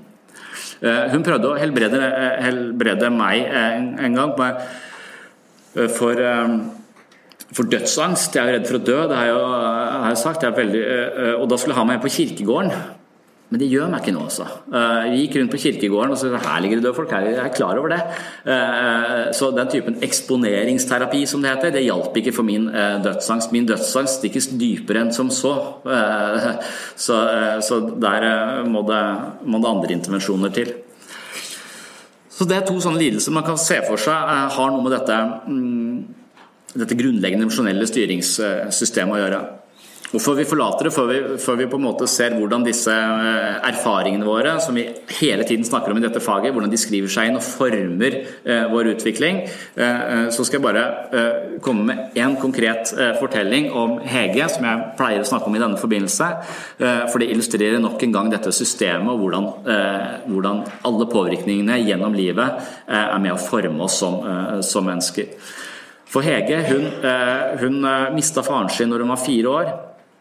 Eh, og Hege eh, hadde en sånn eh, rutine med pappa at hun sto på en stol i vinduet når han kom hjem fra jobben, og vinka til han i vinduet. Og når han kom hjem, så løp hun ut i gangen for å gi han en klem. Sånn gjorde de hver ettermiddag. Men plutselig en dag så står Hege på stolen, og så kommer ikke pappa. Og dagen etter så kommer ikke pappa, og dagen etter der så kommer ikke pappa. Og det som har skjedd, er at pappa har fått et akutt hjerteinfarkt og strøyk med. Så han, eh, han, er borte. Så Hege står i vinduet og venter på pappa, som ikke kommer. Eh, Hege har en mamma som da burde eh, tatt seg av Hege, hjulpet henne med og kanskje fortelle noen historier om engler eller et eller annet som en slags buffer mot øh, døden, og en forståelse for hva er det som, uh, er det som har skjedd. Hege hadde en mamma, men mamma blei så nedfor når, når, hennes ektemann døde, at hun lå inne på rommet og gråt. Så Hege står i vinduet, venter på pappa, og hun blir på en måte avvist av pappa i død, og så blir hun avvist av mamma i depresjon etter hvert. For mamma kommer seg aldri. Så Hege blir stående helt alene. Panikksystemet aktivert, kjemperedd fordi at hennes trygghet har forsvunnet. Eh, hun føler seg ikke trygg, mamma gråter, pappa er borte. Og hennes strategi for å føle seg trygg nok, som er hennes hovedfokus eh, eh, som et lite, lite barn i en stor verden altså Hennes hovedfokus er å være trygg, og strategien hennes blir å være så snill hun bare kan, så mamma ikke begynner å gråte. For eh, Fairbairn snakket om eh, dette med at det er bedre eh, for et barn å være en, på en, måte en, en djevel i en verden styrt av Gud enn en engel i helvete. Og Hege tenkte at mamma gråter fordi at jeg ikke er snill nok. Så hvis jeg bare er snill nok, så kommer mamma til å slutte å gråte. Og hvis jeg er snill nok, så vil mamma elske meg og ta vare på meg. Så lenge mamma ikke gråter, så kan hun passe på meg. Hvis mamma gråter, så er jeg helt alene i hele, hele verden. Så hun får et mønster hvor hun prøver å please mamma, prøver å, å, liste seg rundt og på en måte undergrave egne behov. Hele tiden opptatt av å være trygg nok. All energien sin bundet opp i frykt og, og panikksystemer, egentlig. Veldig lite overskudd til å finne ut av hvem hun er, hva hun liker. Aktivere dette eh, systemet som handler om å møte verden, være nysgjerrig nysgjerrig. Det må du være trygg nok for. Så Hege sitt mønster, det snakker Winnicott også mønster i kjærlighetsbånd, snakket om også den relasjonen Hege utvikler til, eh, til moren, blir toneangivende for hvordan hun møter andre mennesker, eh, også på skolen f.eks. Så på skolen så har hun den samme strategien for at jeg ikke skal bli avvist, for at jeg skal bli akseptert og likt og inkludert, så må jeg bare være så snill og oppofrende overfor andre, eh, andre mennesker at de ikke skyver meg ut. Så hun får en litt sånn underdanig stil. Hvor hun eh, setter alle andres behov foran sine egne eh, og legger seg litt under. Eh, og Det som skjer da, er at mobbere plukker opp denne stilen som et lett bytte. Så hennes usikkerhet og unnvikelse og, frykt for å, for å, bli avvist, det blir også da gjort gjenstand for, for mobbing. Eh, så mobberen fanger opp denne tendensen eh, der sånn og tråkker på, eh, på Hege. Og Da kan man se for seg at, at, mobberen faktisk har litt av samme bakgrunn. Og, og Det kan man også tenke kanskje medfødt temperament eller noe sånt noe gjør at vi som mennesker prøver å kompensere for utrygghet på forskjellige måter. Så det kan godt være at mobberen også føler seg avvist eller alene eller eh, mangler trygghet på hjemmebane. Men istedenfor å prøve å please andre for å, for å, bli likt, så kan det være at mobberen har en motsatt strategi. Jeg tenker at Hvis jeg er på toppen, hvis jeg tar alle, så er det ingen som tør å avvise meg.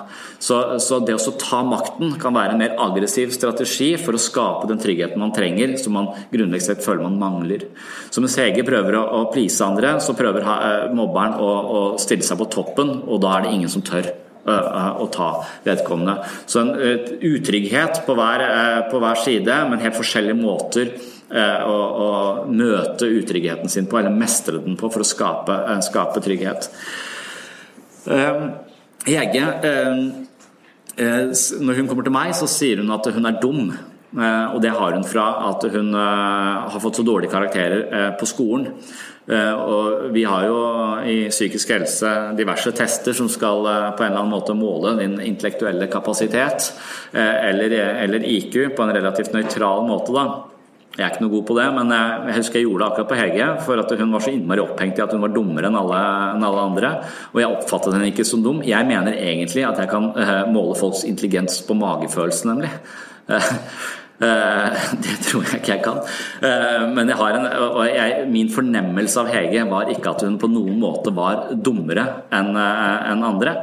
Og det stemte. Hun lå helt på normalen, absolutt helt eh, eh, på normalen. Så akkurat like intelligent som, eh, som gjennomsnittsmenneske. Eh, likevel så manglet hun mange fag og alltid blitt fortalt at hun eh, var dum, og også hadde masse bevis på at hun var det, i og med at hun ikke eh, falt ut av veldig mange fag. Da. Men problemet er jo ikke intelligensen eller hjernen hennes. Problemet er jo at når du sitter i en time og skal lære deg algebra, og veit at du får juling i neste frikvarter, så er det kjempevanskelig å konsentrere seg om algebra. For Det er også disse systemene, det å være interessert i noe og ta til seg læring, krever at vi har trygghet i oss. Så med en gang du har en klasse som er infisert av mobbing eller eh, på en eller annen måte en eller annen utrygghet, så går læringspotensialet kraftig ned. Og for Hege, som hele tiden er redd for sin egen sikkerhet, hun har ikke mulighet til å lære seg nesten noe som helst. Eh, ikke fordi hun er dum, men fordi hun er eh, i en utrygt miljø. Så eh, Hun er på ingen måte dum, eh, men hun mangler eh, mye fra skolegangen. Hun kan bl.a. ikke algebra. Så når hun da blir ca. 22-23 år, så har hun kommet seg gjennom skolegangen på en sånn hanglete måte. Flere fag hun ikke har karakter i. Og litt opp i 20-åra så treffer hun Jørgen, og de blir kjærester. Og Det er sommerferie, og de er veldig forelska, de er veldig glad, glad, i hverandre. Og de bestemmer seg ganske raskt for å flytte sammen. Og, og da er det sånn at det, moren til Hege, som jo ble helt knust når ektemannen hennes døde. Hun har egentlig aldri helt kommet seg på beina. Så Hege og moren de har hatt et litt sånn symbiotisk forhold. De har hatt et veldig tett forhold hvor de har vært sånn gjensidig avhengig av hverandre. Jeg tror nok at moren til Hege også var litt redd for verden og trengte Hege, og motsatt. Hege var litt redd for verden og trengte moren, så de trengte hverandre på en sånn måte hvor de to var sammen og var litt redd for verden, verden der ute.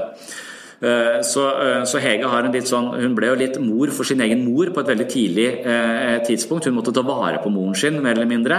Og, og kan mange ting, men de som har fått for mye ansvar på et for tidlig tidspunkt, de har ofte noe man kaller skjult avhengighet. De klarer alt, alle kan se at de fikser verden, men de føler at livet er som et korthus.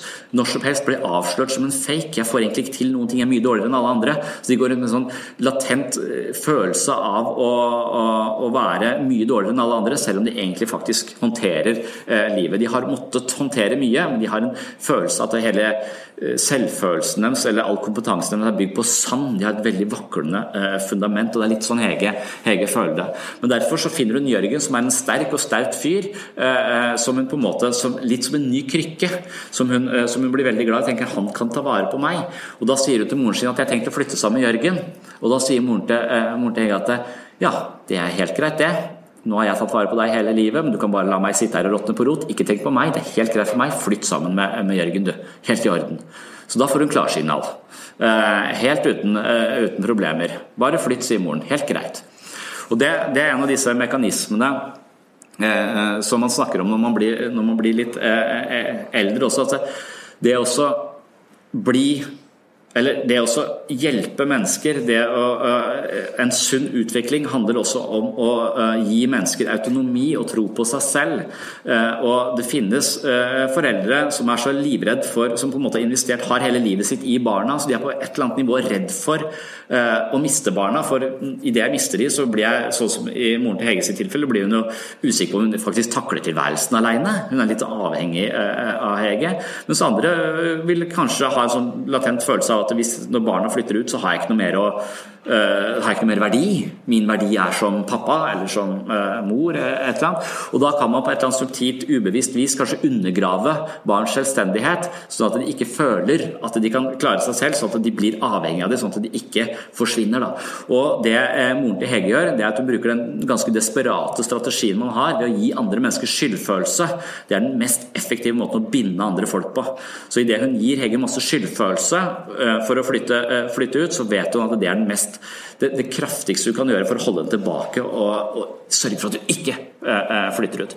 Men Hege uh, forstår det på et eller annet nivå. og Hun klarer å leve med skyldfølelsen. Hun flytter ut. Det er to hus lenger ned i gata, så det er ikke så langt. Uh, men det er et, en start. Og så er det, De flytter sammen i sommerferien. Ting er veldig bra. Alt er, alt er skal si rosenrødt og, og, og, idyll. Eh, men så kommer hverdagen, og da er planen at eh, Hege skal lese algebra på kveldsskole. Hun skal lese på dagen og gå på skole på ettermiddagen. Eh, og, og Jørgen han må på jobb, for han er tømrer. Så Jørgen går klokka halv åtte, og idet Jørgen går ut døra, og døra smeller igjen, så får Hege en voldsom uh, skjelving i hele kroppen. Hjertet slår, hun kaldsvetter, det svimler for henne. Hun må sette seg ned. Hun tenker 'jeg er daudsjuk', og så ringer hun til Jørgen og ber han komme hjem. Han kommer hjem, dette gjentar seg gang, uh, gang, på gang. Til slutt så ringer sjefen til Jørgen og sier at hvis du skal være hjemme syk kjæreste, så må du finne en annen jobb. Sånn kan vi ikke ha det. Så etter hvert så må Jørgen uh, gå på jobb, selv om han føler han burde vært hjemme. når han er hjemme, så føler han burde vært på jobb. Han vet ikke helt hvor han, hvor han skal være. Og Det som skjer med Hege, er ganske åpenbart at det, når den døra smeller igjen, så forteller fornuften til Hege, som er disse fem prosentene som ligger her oppe, eh, at eh, nå skal Jørgen på jobb, jeg skal lese algebra, og så ses vi til middag eh, klokka fire. Det forteller fornuften, men fornuften blir skrudd av ganske umiddelbart idet døra smeller igjen. Så vil de 95 andre prosentene fortelle Hege at når døra går igjen, så kommer han aldri tilbake. Du er forlatt, du er helt alene i verden og du klarer ikke, du kommer til å dø. Det er det resten av systemet forteller henne, eh, eh, hvorpå frykten blir overveldende, og hun får en type panikk. Og Det er den typen separasjon, panikk, eh, eh, angst som, eh, som, kan være forbundet med disse tidligste leveåra, hvor, hvor, man føler seg forlatt eller alene. Så, eh, så så hun eh, prøver å holde Jørgen eh, hjemme. Det går jo ikke etter hvert. Og så ser hun at hun, hun, får panikk. Hun går til fastlegen sin. De gjør masse undersøkelser, sånn som de gjorde med meg utenfor den kirken. Finner ingenting.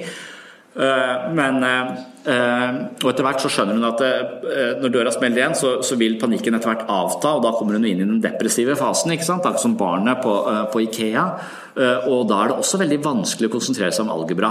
Eh, så hun får ikke lest så mye, for hun sitter bare og teller eh, minutter til Jørgen skal komme hjem. Eh, og når det nærmer seg, og Jørgen skulle vært hjemme, så viser det at Jørgen har jo gått stikket innom butikken for å handle litt. Møtt en kompis han ikke har sett på en stund, slått av en prat, kommer et kvarter for seint hjem med 30 tekstmeldinger på telefonen. 'Hvor er du?' har jeg skrevet av med en sånn capslock på. Stor skrift 'Hvor er du?' Og så krangler de på ettermiddagstid. Og det er litt, Dette kalles avvisningens kretsløp. Det er det samme som skjer med barnet på, på kjøpesenteret. Går fra kanskje å være sammen, ivrig, interessert, trygg, eh, til panikk, til den depressive fasen, til eventuelt avvisning når de møtes igjen. Så hun har venta på han hele dagen, men idet han kommer inn døra, så er det slags, som altså, lufta går ut av ballongen. Han er bare irriterende. Det er et eller annet irriterende, så krangler de. Eh, og dette kan man kanskje se på sånn utviklingsmessig også, at det er litt dette som skjer med, med tenåringer. Eh, at eh, Tenåringer er veldig ofte i opposisjon mot foreldrene sine. For de er også i en fase hvor de skal løsrive seg, bli selvstendige, men fortsatt ikke er helt parate til å være så selvstendige. Eh, så foreldrene blir et slags ansikt på deres egen avhengighet. Så det jeg er avhengig av, eh, mine foreldre, eh, det er også på en måte en slags bevis på at jeg ikke er så selvstendig som jeg ønsker å være, og dermed så hater jeg det ansiktet. Så, for Hege så blir Jørgen en trygghet hun er avhengig av, som hun klamrer seg til, samtidig som han har ansiktet på hennes egen avhengighet, noe hun misliker sterkt. Så blir det en veldig ambivalent relasjon til, eh, eh, til Jørgen. Og Det paradoksale, det man ser på en måte i psykisk helse, er at veldig ofte så vil de skadeligste relasjonene vi hadde når vi vokste opp, risikere at gjenta seg i voksen, i voksen alder. Så Heges største frykt i hele verden, det er å bli forlatt. Eh, hun klamrer seg på en måte til eh, Jørgen, ringer han hjem, skal hele tiden ha han eh, nærme, lurer på hvor han skal hen, hvor skal du gå, sjalusi, all den typen dynamikk som oppstår mellom mennesker som er usikre på seg selv. Så, så, så, hennes største frykt i hele verden er å bli forlatt. Og det som da gjentar seg gang på gang, er at hun nettopp blir forlatt. Så Jørgen klarer ikke lenger. Han, han gjør det slutt, orker ikke dette, føler seg alltid utilstrekkelig, klarer ikke øh, å, å leve med det øh, lenger. Hege blir forlatt, livredd og kommer da i behandling i psykisk helse. Og jeg møter henne, og det vi gjør, at vi forteller denne historien på nytt. Vi prøver å se hva som har skjedd i din eh, fortelling som gjør at du er så livredd eh, for å være alene, eh, for det første. Men også hvorfor du har en erfaring som sier at alle mennesker som betyr noe for deg, kommer til å forlate deg.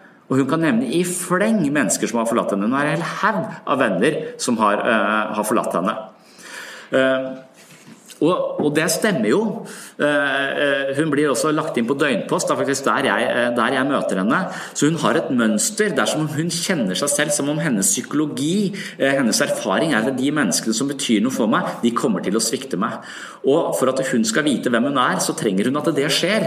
Dette er disse ubevisste mønstrene, hvor mønster i kjærlighetsbånd, hvor fortiden lever i nåtiden, som, som Freud snakker om. Altså, det hun har erfart tidligere, det utspiller seg på nytt i livet hennes her og nå. Og overfor meg, jeg blir en viktig person for Hege, men jeg blir også en person som svikter Hege. Men det må jeg tematisere, og jeg svikter henne på den måten at hun alltid stiller meg veldig viktige spørsmål fem på halv fire. Eh, er, jeg kommer ut der, og der står du, jeg skal bare eh, et, og, så, og, så, har hun et kjempeviktig eh, spørsmål, og fem på halv fire så skal jeg hente barna mine på institusjon, ikke sant? Eh, nei, barnehage er det det heter, ja. og jeg har jo en, en, et visst driv i meg for å komme meg til den barnehagen så Jeg skal i hvert fall ikke være den som henter sist, ikke sant? I går så glemte jeg matpakke til dattera mi. Sånn, hun er på skolen, så våkner hun og ser ingen matpakke. Åh, Er det mulig?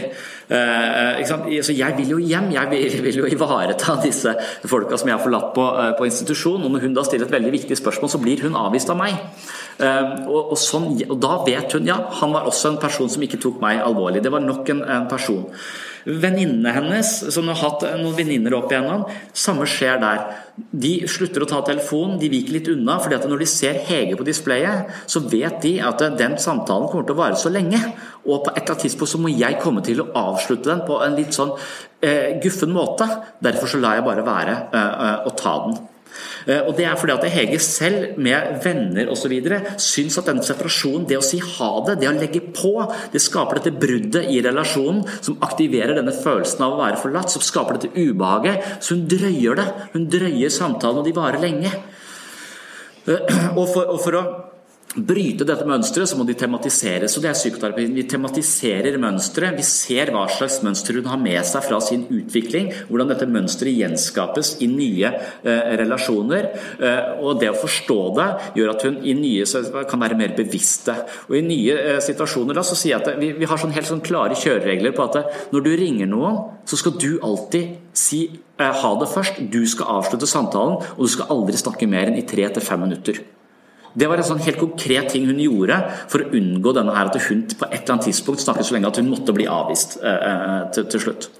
Masse subtile mønster som gjorde at hun visste hvem hun var eh, i, i, relasjon til andre, ved at denne avvisningen hele tiden ble, eh, ble, ble gjenskapt. Så Hvis vi husker disse grunnleggende emosjonelle styringssystemene, så, eh, så er det sånn at uh, vi har uh, panikksystemet, som handler om separasjon uh, og, separasjonsangst. Så har vi fryktsystemet, som handler mer om reelle farer og trusler i, i, miljøet rundt oss. Og så har vi dette raserisystemet, som handler om statusorientering. og så har vi dette systemet som handler om søke- og lystsystemet, det som handler mer om interesse, iver, skape mening i livet. Og avhengig av alle erfaringene vi gjør oss, avhengig av tilknytningsteori, hvordan vi kommer igjennom oralstadiet, analstadiet, den falliske fasen, alle disse uh, utviklingspsykologiske teoriene sier noe om hvordan vi løser de ulike nivåene uh, fra uh, fødsel til den voksne personligheten. Eh, og Hvis vi tenker på det rent biologisk sett, som er en, da, en modell vi ikke eh, er innom i, i, i, pensum, men som likevel har denne modellen vi har snakket om eh, i første timen og, og, i dag, er veldig sånn biologisk forankret på sett og vis. Og Da kan man tenke seg at alle de erfaringene vi gjør oss, skriver seg inn i vår mentale biologi og skriver seg inn i dette grunnleggende styringssystemet. Og hvis vi erfarer mye avvisning, blir mye frykt eller, eller er veldig mye rasende og ikke blir korrigert på det, så kan det være at disse eh, elementene får stor plass i vår mentale økonomi, og dermed skaper på en måte en slags skakk grunnmur eh, i den, den personligheten vi bygger oppå, oppå dette her. Så, så, ujevnheter her, en tendens til å reagere med panikk og frykt i mange situasjoner, eller en tendens til å reagere med raseri og alltid forvente at vi får det som vi vil, det er type patologier. Det ene kalles narsissisme eller, eller psykopati. og det andre kalles eh, avhengig og unnvikende personlighetsforstyrrelse. Eh, så, så, Når vi snakker om ICD-10-diagnoser, som er diagnosemanualen i psykisk helse, eh, og hvordan vi utreder mennesker i psykisk helse, så er det ofte litt på bakgrunn av, av de tingene vi har snakket om i dag, og vi ser tendenser i personlighetstrekk som kan oppsummeres i den grad at de som har veldig mye energi bundet opp i panikksystemer, eh, de kan risikere så, så, så, mange reaksjoner som skriver seg fra den delen av systemet, at de kan kalle det en avhengig personlighetsforstyrrelse. Så Hege hun vil kvalifisere for en avhengig personlighetsforstyrrelse. Hennes psykologi, hvis vi skal oppsummere den, den sier at 'jeg er ikke ok, men du er ok'. Hun har veldig lite troa på seg selv men hun har stor troa på andre mennesker. Så hun prøver å finne mennesker der ute som hun kan støtte seg til og lene seg til og kvele. på en måte. Og Det er ikke hensikten hennes å kvele, men hun er så redd for å bli forlatt at hun klamrer seg til andre. Noe som paradoksalt nok ender med at hun blir eh, eh forlatt. Skjebnens ironi, kan, eh, kan, man si. Så Det vil være den avhengige personlighetsforstyrrelsen. Jeg er ikke ok, du er ok. Så har du denne fryktsystemet der er det eh, mer eh, enn eh, Hvis vi skal oppsummere psykologien der, så er det 'jeg er ikke ok', men det er ikke du heller. Så det er rett og slett en erfaring på at man har ikke blitt akseptert, man har ikke eh, hatt det trygt nok, man har ikke fått ros.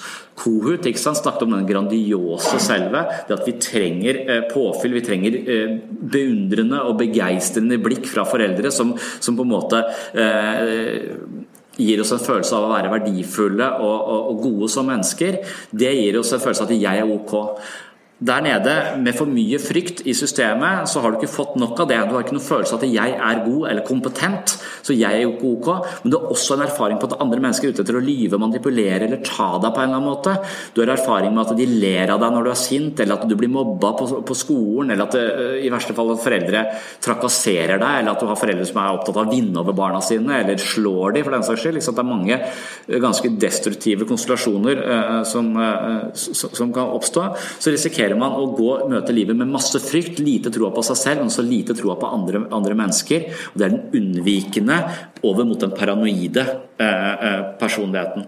Da vil disse erfaringene eh, være noe som vi møter resten av eh, eh, verden med. Selv mennesker som kanskje kunne vært godt for oss. altså Vi trenger nære relasjoner, men forventningen vår om at de kommer til å lyve eller misbruke oss eller har en annen skjult agenda, er så fremtredende at vi møter dem med sånn skeptisk som aldri skaper den nærheten vi trenger.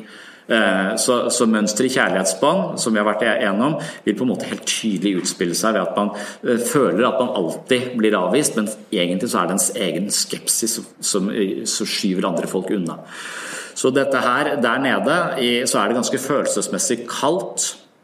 Eh, og, og, det er etter hvert over i det mer paranoide. Alle er ute etter uh, å, å, ta meg. Og så kommer du opp i dette raserisystemet. Og raserisystemet, da, da begynner vi å snakke om denne med, med, med narsissisme og forskjellige forståelser av narsissisme. Freud mente det var en umoden posisjon man måtte vokse forbi. Coet mente at det var et, et, behov, noe som måtte bli tilfredsstilt, så ville utvikle seg til sunn narsissisme. Altså jeg er glad i meg selv. Eh, og jeg tror på meg selv, altså jeg kan hvile i meg selv og ha mye å gi til andre. Den sunne narsissismen å elske seg selv på en god måte.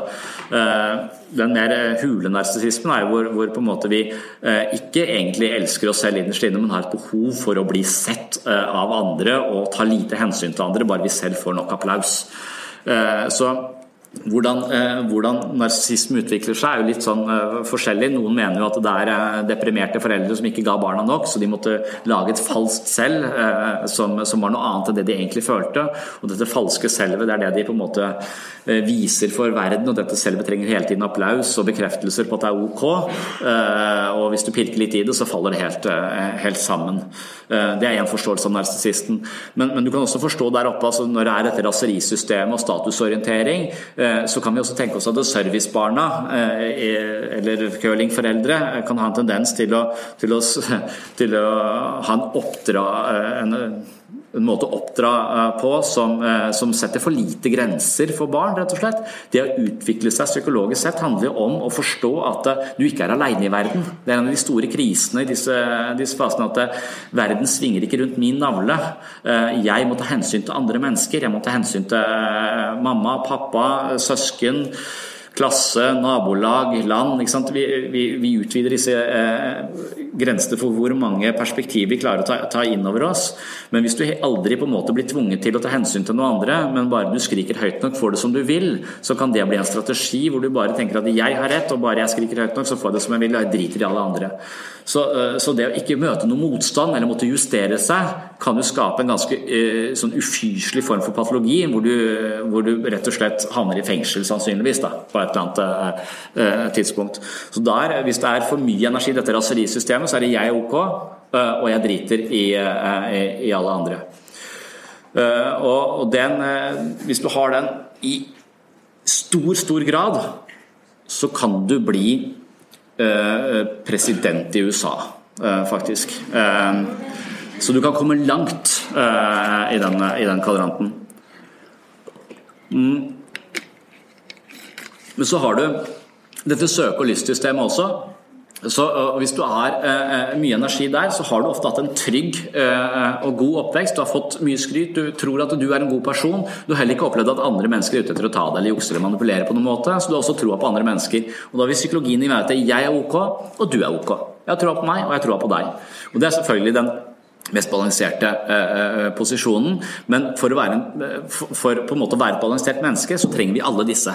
Eh, som regel så alle vi som sitter her, vil være en slags sammenblanding av disse eh, personlighetstypene, vil man anta.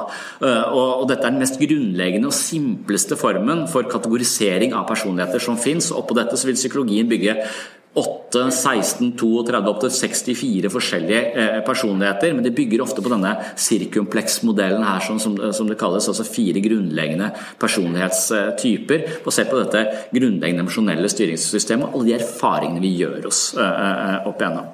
Så hvis man, I min hverdag så møter jeg stort sett mennesker som Hege.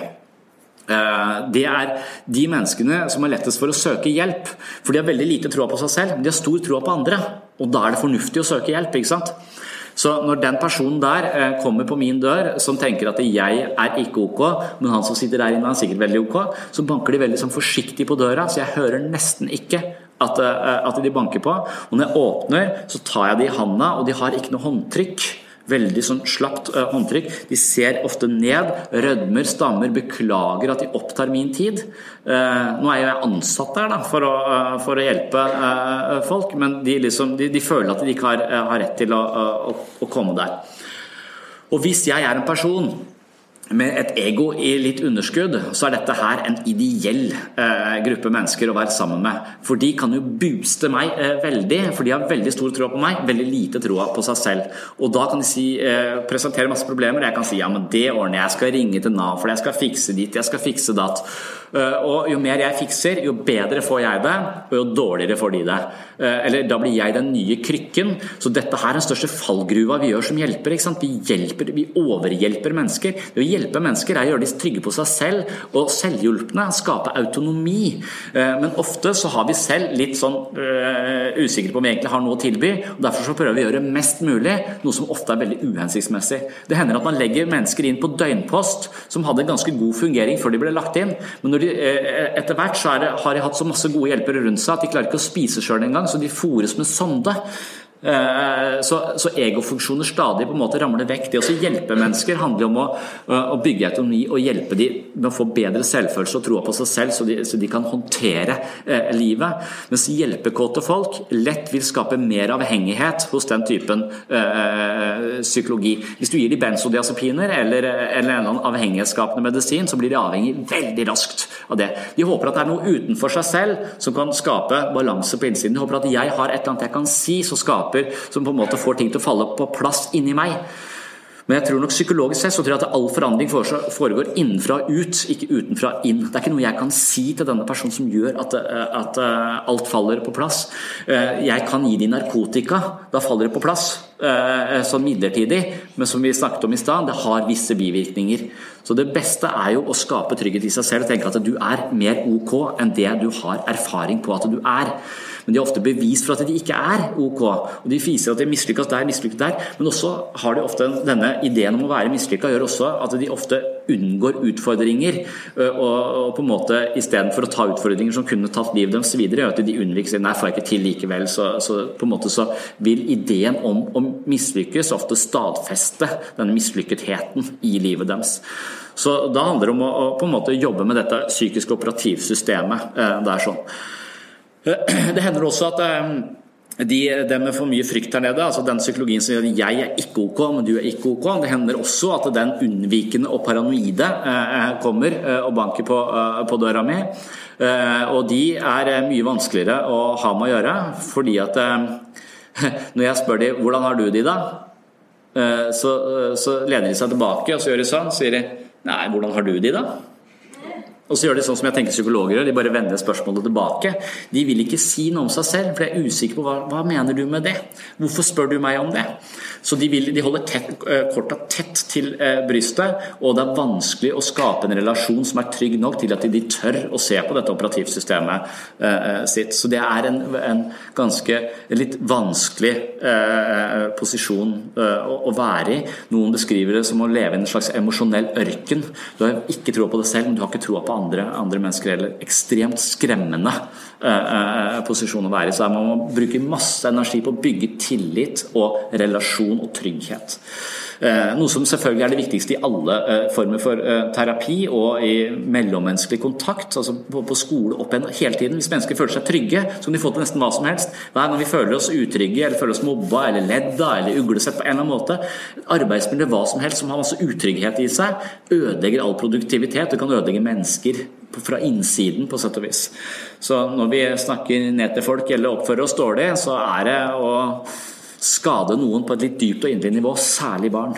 Ehm, så eh, det er veldig viktig å ha med seg, det er det disse teoriene forteller oss hele tiden, at trygghet er det viktigste. Uh, han nederst der, altså jeg ikke OK, du ikke OK, vanskelig uh, å hjelpe, holde korta tett Børste. Han, som denne raserivarianten av jeg er OK og du er ikke OK, de kommer jo ikke i behandling, for det er ikke noe vits i. De tror at de er bedre enn alle andre. de har jo ikke selvinnsikt når de sitter der og styrer hele verden. Eh, eh, det er null eh, selvinnsikt i Det hvite hus. Så og, og, og, men hvis de kommer i behandling eh, hos meg, da, så banker de så hardt på døra at jeg skvetter. Eh, og, det blir så nervøst. Jeg tenker skal jeg i det hele tatt åpne? Det der hørtes fryktelig eh, skummelt ut, så jeg er litt sånn redd allerede før jeg åpner døra. Og når jeg åpner døra, så tar de meg handa, og de klemmer så hardt at jeg hører det knaker inni knokene mine. Og så stirrer de meg inn i øynene så lenge at jeg må se ned. Og så går de forbi meg inn på kontoret, setter seg i min stol, lener seg tilbake, tenner en røyk, blåser røyken rett i trynet på meg og spør hvor gammel er du?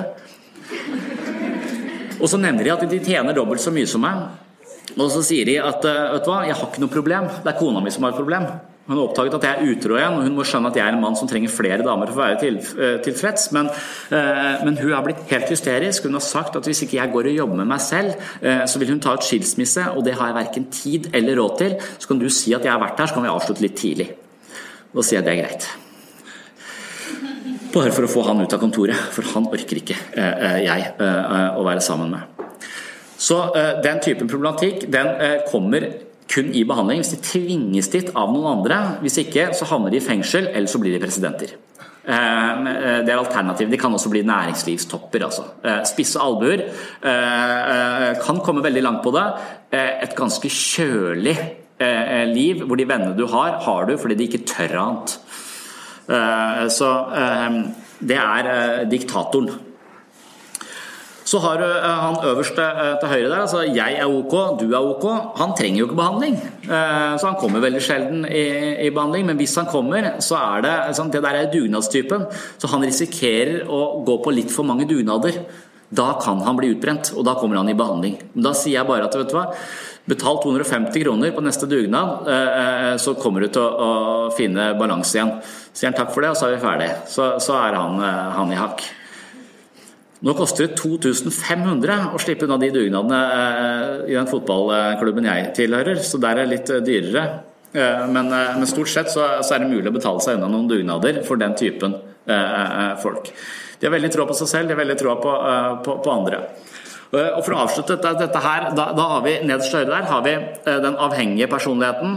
Nederst til venstre så har vi den unnvikende, opp mot den paranoide, opp mot den narsissistiske. Og hvis det finnes en personlighetsforstyrrelse på den der 'jeg er ok, du er ok', så er det fordi at de er for på. Man kan ofte kanskje si de er mer histrioniske eller de er litt sånn dramatiske. Altså de, de, mangler grenser. For av og til så er det lurt å legge seg litt nedpå. Av og til så er det lurt å være litt skeptisk til andre folk. Uh, av og til så er det lurt å ta kommandoen og, og, og, og ta føringa, og andre ganger så er det lurt å, å tenke at jeg legger meg litt bakpå og lar de, uh, lar de styre. Uh, og som eh, en slags tilhenger av reality-TV. Jeg begynte å se på Robinson-ekspedisjonen for 100 år siden. Da det, så har jeg vært opptatt av dette her. Så alle som skriver bøker eller eh, ja, eh, litteratur, altså fiksjon, eller de som lager reality-TV eller filmer, de vet om dette er den mest grunnleggende personlighetsmodellen som fins. Og hvis du skal ha interessant TV, så setter du disse folka her på Nøde øy. For det er litt forutsigbart hva som kommer til å skje. Og det er sånn spennende drama. Dette her er 'Fluenes herre', det er William Golding. det her er Eh, det er det vi bygger opp drama, eh, de menneskelige dramaene på. Eh, så da er det en god idé å se hva skjer hvis vi tar litt karikerte mennesker og putter, putter de på en, en øde øy og kaller det Robinson-ekspedisjonen. Og Da putta de disse fire folka her ut på en øde øy. Og Da er spørsmålet først hva hvem blir, eh, hvem blir, lederen? For eh, når vi er på Nødøy, så må vi ha en leder for, for gruppa vår. Hvem tror dere blir lederen? Det er diktatoren. Fordi at eh, det er jo det, vi, vi ser jo det. Eh, sånn er det i verden. Altså, det er jeg er ok, du er ikke ok. Eh, det er to lederemner her. For å være leder så må du ha troa på deg selv. Eh, så, så du, du, må være en av de som er 'jeg er ok'.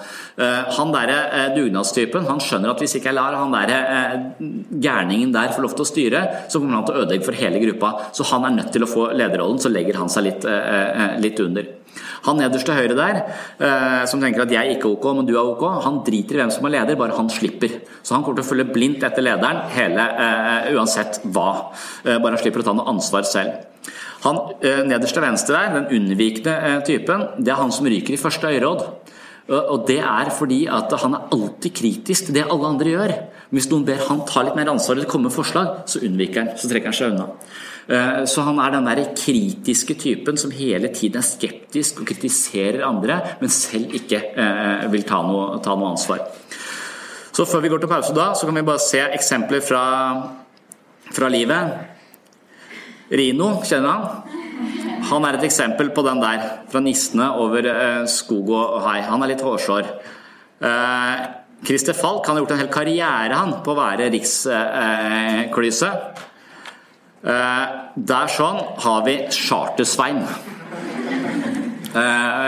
og han er sikkert en kjempehyggelig fyr. Man mangler kanskje litt grenser. ikke sant? Det går an å være litt for på på en eller annen måte.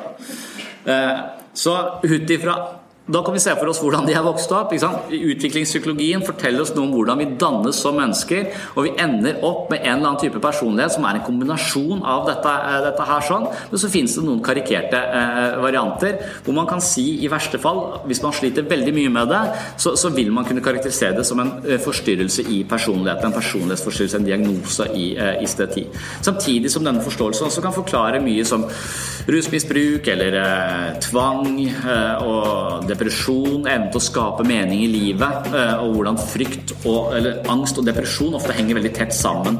Har vi for mye frykt, så klarer vi ikke å etablere de musklene som skal til for å skape mening og interesse i, eh, i livet. Så da tar vi en pause, og så går vi til eh, Daniel Størn etter pausen.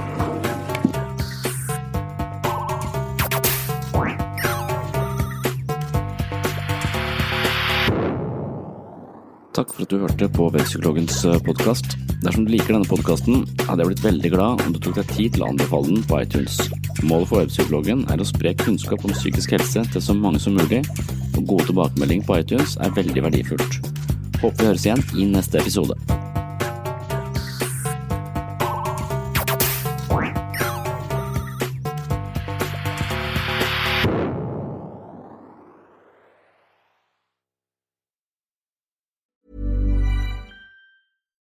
Here's a cool fact a crocodile can't stick out its tongue. Another cool fact you can get short term health insurance for a month or just under a year in some states. United Healthcare short term insurance plans are designed for people who are between jobs, coming off their parents' plan, or turning a side hustle into a full time gig. Underwritten by Golden Rule Insurance Company, they offer flexible, budget friendly coverage with access to a nationwide network of doctors and hospitals. Get more cool facts about United Healthcare short term plans at uh1.com. Hi, I'm Daniel, founder of Pretty Litter. Did you know cats tend to hide symptoms of sickness and pain? I learned this the hard way after losing my cat, Gingy. So I created Pretty Litter, a health monitoring litter that helps detect early signs of illness by changing colors, saving you money and potentially your cat's life. Pretty Litter is veterinarian developed, and it's the easiest way to keep tabs on your fur baby's health right at home. Go to prettylitter.com and use code ACAST for 20% off your first order and a free cat toy. Terms and conditions apply. See site for details. A lot can happen in the next three years. Like a chatbot may be your new best friend. But what won't change? Needing health insurance. United Healthcare Tri Term Medical Plans are available for these changing times. Underwritten by Golden Rule Insurance Company, they offer budget friendly, flexible coverage for people who are in between jobs or missed open enrollment. The plans last nearly three years in some states, with access to a nationwide network of doctors and hospitals. So, for whatever tomorrow brings, United Healthcare Tri Term Medical Plans may be for you. Learn more at uh1.com.